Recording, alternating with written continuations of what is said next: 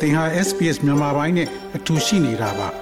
sbs.com.au/burmese မှာပုံမထူးခဲ့တဲ့သတင်းစာမားတွေကိုရှားဖွေပါ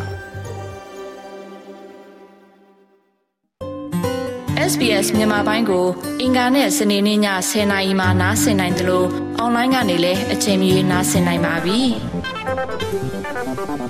။ ဒေါက်တာသင်းသင်းခိုင်ခင်ဗျာအခုလိုကျွန်တော်တို့ SBS Radio မြန်မာပိုင်းစီစဉ်နဲ့ဒီ COVID-19 ရဲ့ဒီ third shot နဲ့ booster အကြောင်းကိုဆွေးနွေးပေးမယ့်အတွက်ကျေးဇူးအများကြီးတင်ပါတယ်။ဟုတ်ကဲ့ဦးတယ်ရောအခုလိုပြောခွင့်ရတာကိုလည်းကျေးဇူးတင်ပါတယ်။ကျွန်တော်တို့ပထမဆုံးအနေနဲ့ဒီ COVID-19 တားရဆေးထိုးတာပေါ့လေတားရဆေးလုံး third shot ကဘယ်လိုလူမျိုးတွေထိုးသင့်ပါလဲဟုတ်ကဲ့ဦးတယ်ရဒီမေးခွန်းတော်တော်ကောင်းတဲ့မေးခွန်းမှာ COVID-19 ကအခုတမီးတို့ Australia မှာ program အရပေါ့နော် vaccine အမျိုးနှစ်မျိုးများသောအားဖြင့်ထိုးကြတယ် Pfizer vaccine AstraZeneca vaccine ပေါ့လေအဲ့ဆေးကအခုဆိုရင် first dose second dose ထိုးပြီးတဲ့အခါမှာအခုဒီကိုခံအားကောင်းတဲ့လူတွေဆိုလို့ရှိရင်တော့နှလုံးထိုးပြီးလို့ရှိရင်လောလောဆယ်ဟိုလုံလောက်တယ်လို့မှန်းထားတဲ့အတွက်အခုဆိုရင်ဒီ Sydney တို့ Melbourne တို့ကစပြီးတော့မြို့တွေကစပြီးတော့ဖွင့်လာနေပါပြီ။ဒါပေမဲ့တချို့လူတွေပေါ့နော်ကိုခံအားမကောင်းတဲ့ လူကိုခံအားမကောင်းတဲ့လူဆိုတာအောက်ခံယောဂရှိတဲ့လူတွေပေါ့ယောဂတွေကတော့အမျိုးမျိုးရှိနိုင်ပါတယ်။ဥပမာဒီသွေးနဲ့ပတ်သက်တဲ့သွေးကင်ဆာလိုယောဂမျိုးလူကီမီးယားလိုယောဂရှိတဲ့လူတွေဖြစ်ရင်ဖြစ်မယ်မဟုတ်ရင်လည်းကင်ဆာယောဂဝေဒနာခံစားနေရပြီးတော့ဒီကီမိုတယ်ရာပီဆေးသွေးနေရတဲ့လူတွေဖြစ်ရင်ဖြစ်မယ်နောက်ကြောက်ကမကောင်းလို့ကြောက်ကဆေးနေရတဲ့လူတွေဖြစ်မယ်အမျိုးကြီးမျိုးပေါ့လေ list တွေတော့ရှိပါတယ်ဒါပေမဲ့ဒီကိုခံအားကျဆင်းတဲ့ ဟိုမဟုတ်လေကိုခံအားတိတ်မကောင်းတဲ့လူတွေမှာဆိုလို့ရှိရင်တော့ပထမတစ်လုံးဒုတိယတစ်လုံးထိုးပြီးတဲ့အခါမှာဒီကိုဗစ်ရောဂါကိုကာကွယ်နိုင်နှုံးကဟိုတိတ်ပြီးတော့ကောင်းကျင်မှကောင်းမယ်လို့ဟိုဒီ research အရာကဟိုမြင်နေရပါတယ်မြင်ရတဲ့အတွက်တတိယတစ်လုံးထိုးလို့ရှိလို့ရှိရင်တော့ဒီကိုဗစ်ရောဂါ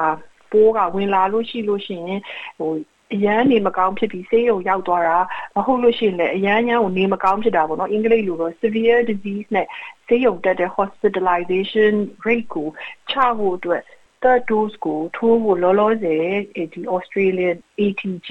အာက recommend လုပ်ထားပါတယ်။ဘယ်ချိန်တွေမှာထိုးရမလဲဆိုရင်တော့ပထမတစ်လုံးဒုတိယတစ်လုံးထိုးပြီးတဲ့အခါမှာဒုတိယတစ်လုံးထိုးပြီးတော့2လကနေ6လအတွင်း ထိုးတဲ့နယ်လို့လောလောဆယ် recommend လုပ်ထားပါတယ်။ဒါပေမဲ့တချို့လူတွေပေါ့လေဥမာဒီတိတ်ပြီးတော့နေမကောင်းကိုခံကတော်တော်မကောင်းဆိုလို့ရှိရင်တော့ကိုယ့်ကိုကြည့်ပေးနေတဲ့ဆရာဝန်နဲ့တိုင်ပင်ပြီးတော့အစိုးဆုံးဒုတိယ dose ထိုးပြီးတော့၄ဘတ်အတွင်းမှာထိုးလို့ရတယ်လို့ဒါကတော့ exceptional အပေါ့နော်ဟိုအထူးအခွင့်အရေးအနေနဲ့ဒီဆရာဝန်လက်မှတ်တူဆရာဝန်နဲ့တိုင်ပြီးတော့လုံးလို့ရပါလေလို့လောလောဆယ် guideline ကပြောထားပါတယ်ရှင် ဟုတ်ကဲ့အဲ့တော့အဓိကအချက်ကကို third dose ထိုးဖို့လိုမလို့ကိုကိုဆရာဝန်နဲ့တိုင်ပင်ဖို့ကတော့အရေးကြီးဆုံးပေါ့နော်ဟုတ်ကဲ့ third dose ဘယ်သူတွေထိုးတယ်လဲဆိုတာကလေလူတိုင်းလူတိုင်းမှာယောဂတွေကဟိုတယောက်နဲ့တယောက်နဲ့မတူကြဘူးပေါ့နော်အဲ့ဒါကြောင့်မို့ကိုယ့်ကိုကြည့်ပေးနေတဲ့ဟို primary care physician လို့ပြောရင်ပြော GP လို့ပြောရင်ပြောဘာလို့ကြည့်ပေးနေတဲ့ထူးကုဆရာဝန်ပေါ့ specialist ဖြစ်ရင်ဖြစ်မယ်သူတို့နဲ့တေချာတိုင်ပင်ပြီးတော့လုံးတင်ပါတယ်လို့ပြောချင်ပါတယ်နောက်တစ်ခုက ဘယ်အသက်အရွယ်တွေထိုးတင်လဲလို့ပြောရမယ်ဆိုလို့ရှိရင်တော့လောလောဆယ်ဒီအသက်7နှစ်ကနေအထက်ပေါ့နော်ဒီကျန်းမာရေးခုနကယောဂဒီနေမကောင်းတဲ့ယောဂတွေရှိတဲ့လူတွေထိုးသင့်ပါတယ်လို့သူကပြောထားပါတယ်ဒီဆိုရ website မှာ ATG website မှာဒီကျန်းမာရေးဘယ်ယောဂတွေဖြစ်ဖြစ်ရင်ဒီ immune system ကျနိုင်တယ်ဆိုတာကိုသူကလေစနစ်တကျလေး list လုပ်ပေးထားပါတယ်အဲသူကအင်္ဂလိပ်လိုရေးထားပါတယ်ဦးတမီးတို့ဒီ radio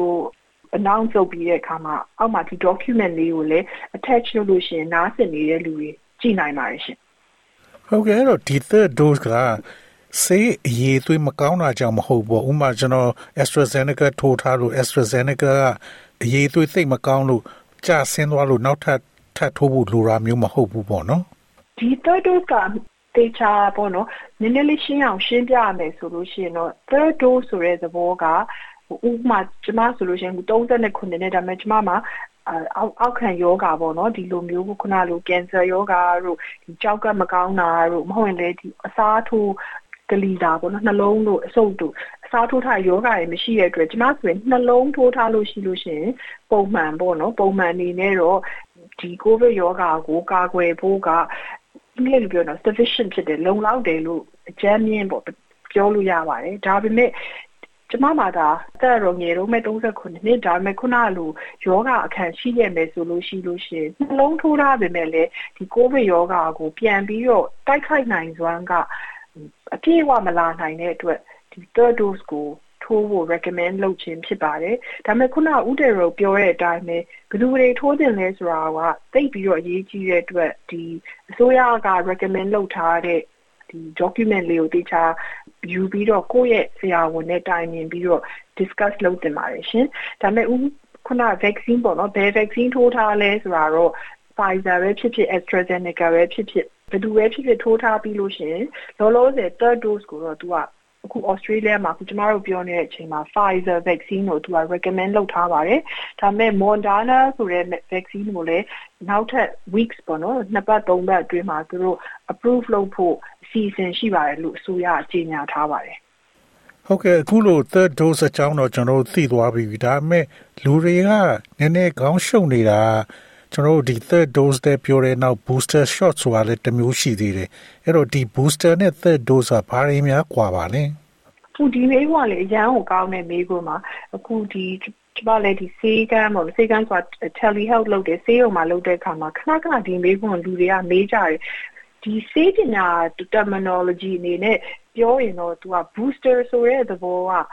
ထပ်ပြီးတော့ကိုယ့်ကိုယ်ကိုပြောမယ်ဆိုရင်ကျွန်မ39နှစ်တခြားဘာယောဂအခန့်ကြီးကြီးမားမားမရှိဘူးဆေးနှလုံးထိုးပြီးပြီဒါပေမဲ့ကျွန်မကဆရာဝန်ဖြစ်တဲ့အတွက်လူနာတွေကိုဆေးရုံမှာတွားကြည့်နေလို့မယ်တွားကြည့်နေတဲ့အခါမှာနှလုံးထိုးပြီးပြီနဲ့အကျဉ်းမြင့်အချိန်6လလောက်အတွင်းမှာပေါ့နော်တချို့ research ကိုစေတုတေသနာအရတချို့နိုင်ငံတွေမှာဘာကိုတွေ့ရလဲဆိုတော့ ဆေးနှလုံးထိုးထားပေမဲ့ဒီကိုဗစ်ရောဂါနဲ့ကိုဟိုအများအားကင်တွယ်နေရတဲ့ဒီ health care worker ပေါ့ကျန်းမာရေးဝန်ထမ်းတွေကဆိုလို့ရှိရင်6လလောက်အတွင်းမှာပေါ့နော်ဒီကိုဗစ်ရောဂါကိုပြန်လည်ခုခံနိုင်တဲ့စွမ်းအင်ကကြော့နိုင်တယ်လို့ထင်ရတဲ့သဘောတရားကိုတွေ့ရပါတယ်။အဲ့ခါမှာဒီကျန်းမာရေးဝန်ထမ်းတွေဖြစ်မယ်နောက်ခုနကလိုဒီတက်ကြီးရွယ်အိုအိမ်ယာတွေမှာပေါ့နော် nursing home တွေမှာနေနေတဲ့လူတွေမှာဆိုရင်ကိုယ်ဆက်နိုင်ဖို့ ပိုးပိုးအခွင့်အရေးပေါ့နော်ပိုးကူးနိုင်တဲ့အခွင့်အရေးများတဲ့အတွက် booster ဆိုတဲ့သဘောကနောက်တစ်ချိန်ဆေးထိုးခြင်းအပြင်ဒီယောဂါကိုကူးဆက်ပြီးတဲ့အခါမှာဟိုဆေးရုံတက်ဖို့အခွင့်အရေးအရန်ကိုစိုးစိုးဝါးဝါးနေမကောင်းဖြစ်ဖို့အခွင့်အရေးရော့နိုင်အောင်လို့ထိုးဖို့တိုက်တွန်းတဲ့သဘောအနေနဲ့ပြောခြင်းဖြစ်ပါတယ်အဲနောက်ဒီ booster ကို recommend ဟို ဆိုရကပြောထားတဲ့အသက်အရဆိုလို့ရှိရင်အသက်18နှစ်နဲ့အထက်ကိုသူက recommend လုပ်ထားပါတယ်။ဒါပေမဲ့အမှန်တိုင်းပြောရရင်ဟိုဒီမြန်မာနားထောင်နေတဲ့ radio ကမြန်မာပရိသတ်ကိုလည်းပြောချင်တာကဒီ booster ထိုးခြင်းအပြင်ပေါ့နော်ဟိုပို့ပြီးတော့ ကိုဗစ်ရောဂါကိုကာကွယ်နိုင်မလား booster ထိုးခြင်းအပြင်နေမကောင်းဖြစ်နှုန်းကဘယ်လောက်ထိကျမလဲဆိုတာလေ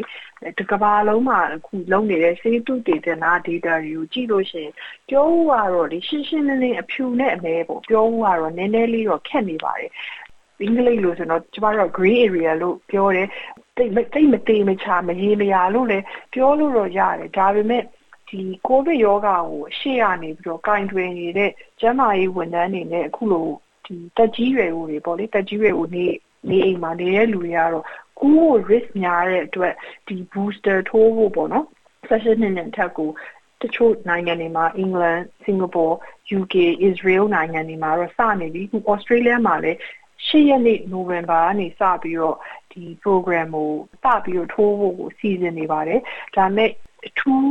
သူတို့ဦးစားပေးမဲ့လူတွေကတော့ကျမရေးဝန်ထမ်းတွေနဲ့တက်ကြီးရွယ်ကို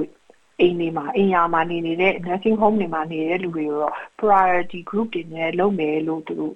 စီစဉ်နေတာကိုကြားရပါတယ်ဟုတ်ကဲ့နောက်တစ်ခုကကျွန်တော်တို့ဒီ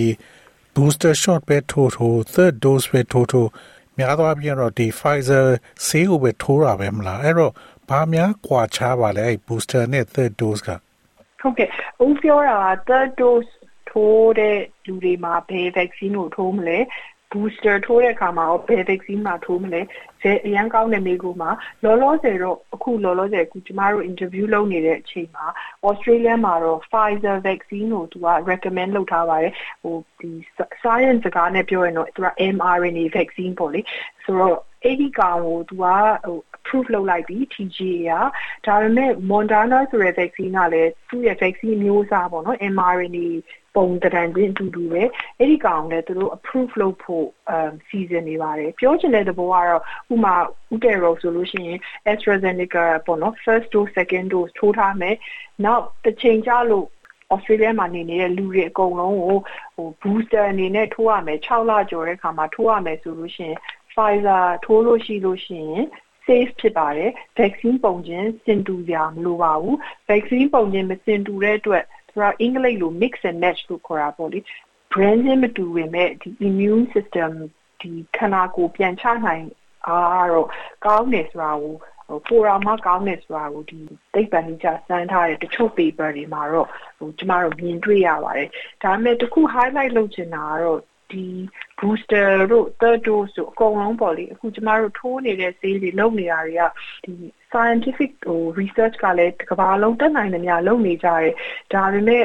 ဒီလူဦးရေပေါ့နော် test လုပ်ထားတဲ့လူဦးရေဟာအရန်အများကြီးမဟုတ်သေးတဲ့အတွက်နောက်တစ်ချိန်မှာဘယ်လိုပြောင်းလဲလာမလဲဆိုတာကိုလည်းစောင့်ကြည့်ဖို့လိုပါသေးတယ်ရှင်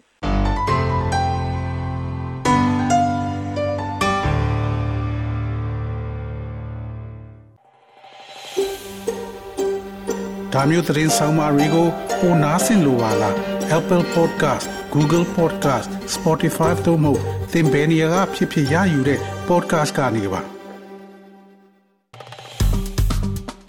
SPS မြန်မာပိုင်းကို Facebook ပေါ်မှာ like ရှာပြီး like မျှဝေမှတ်ချက်ပေးပါ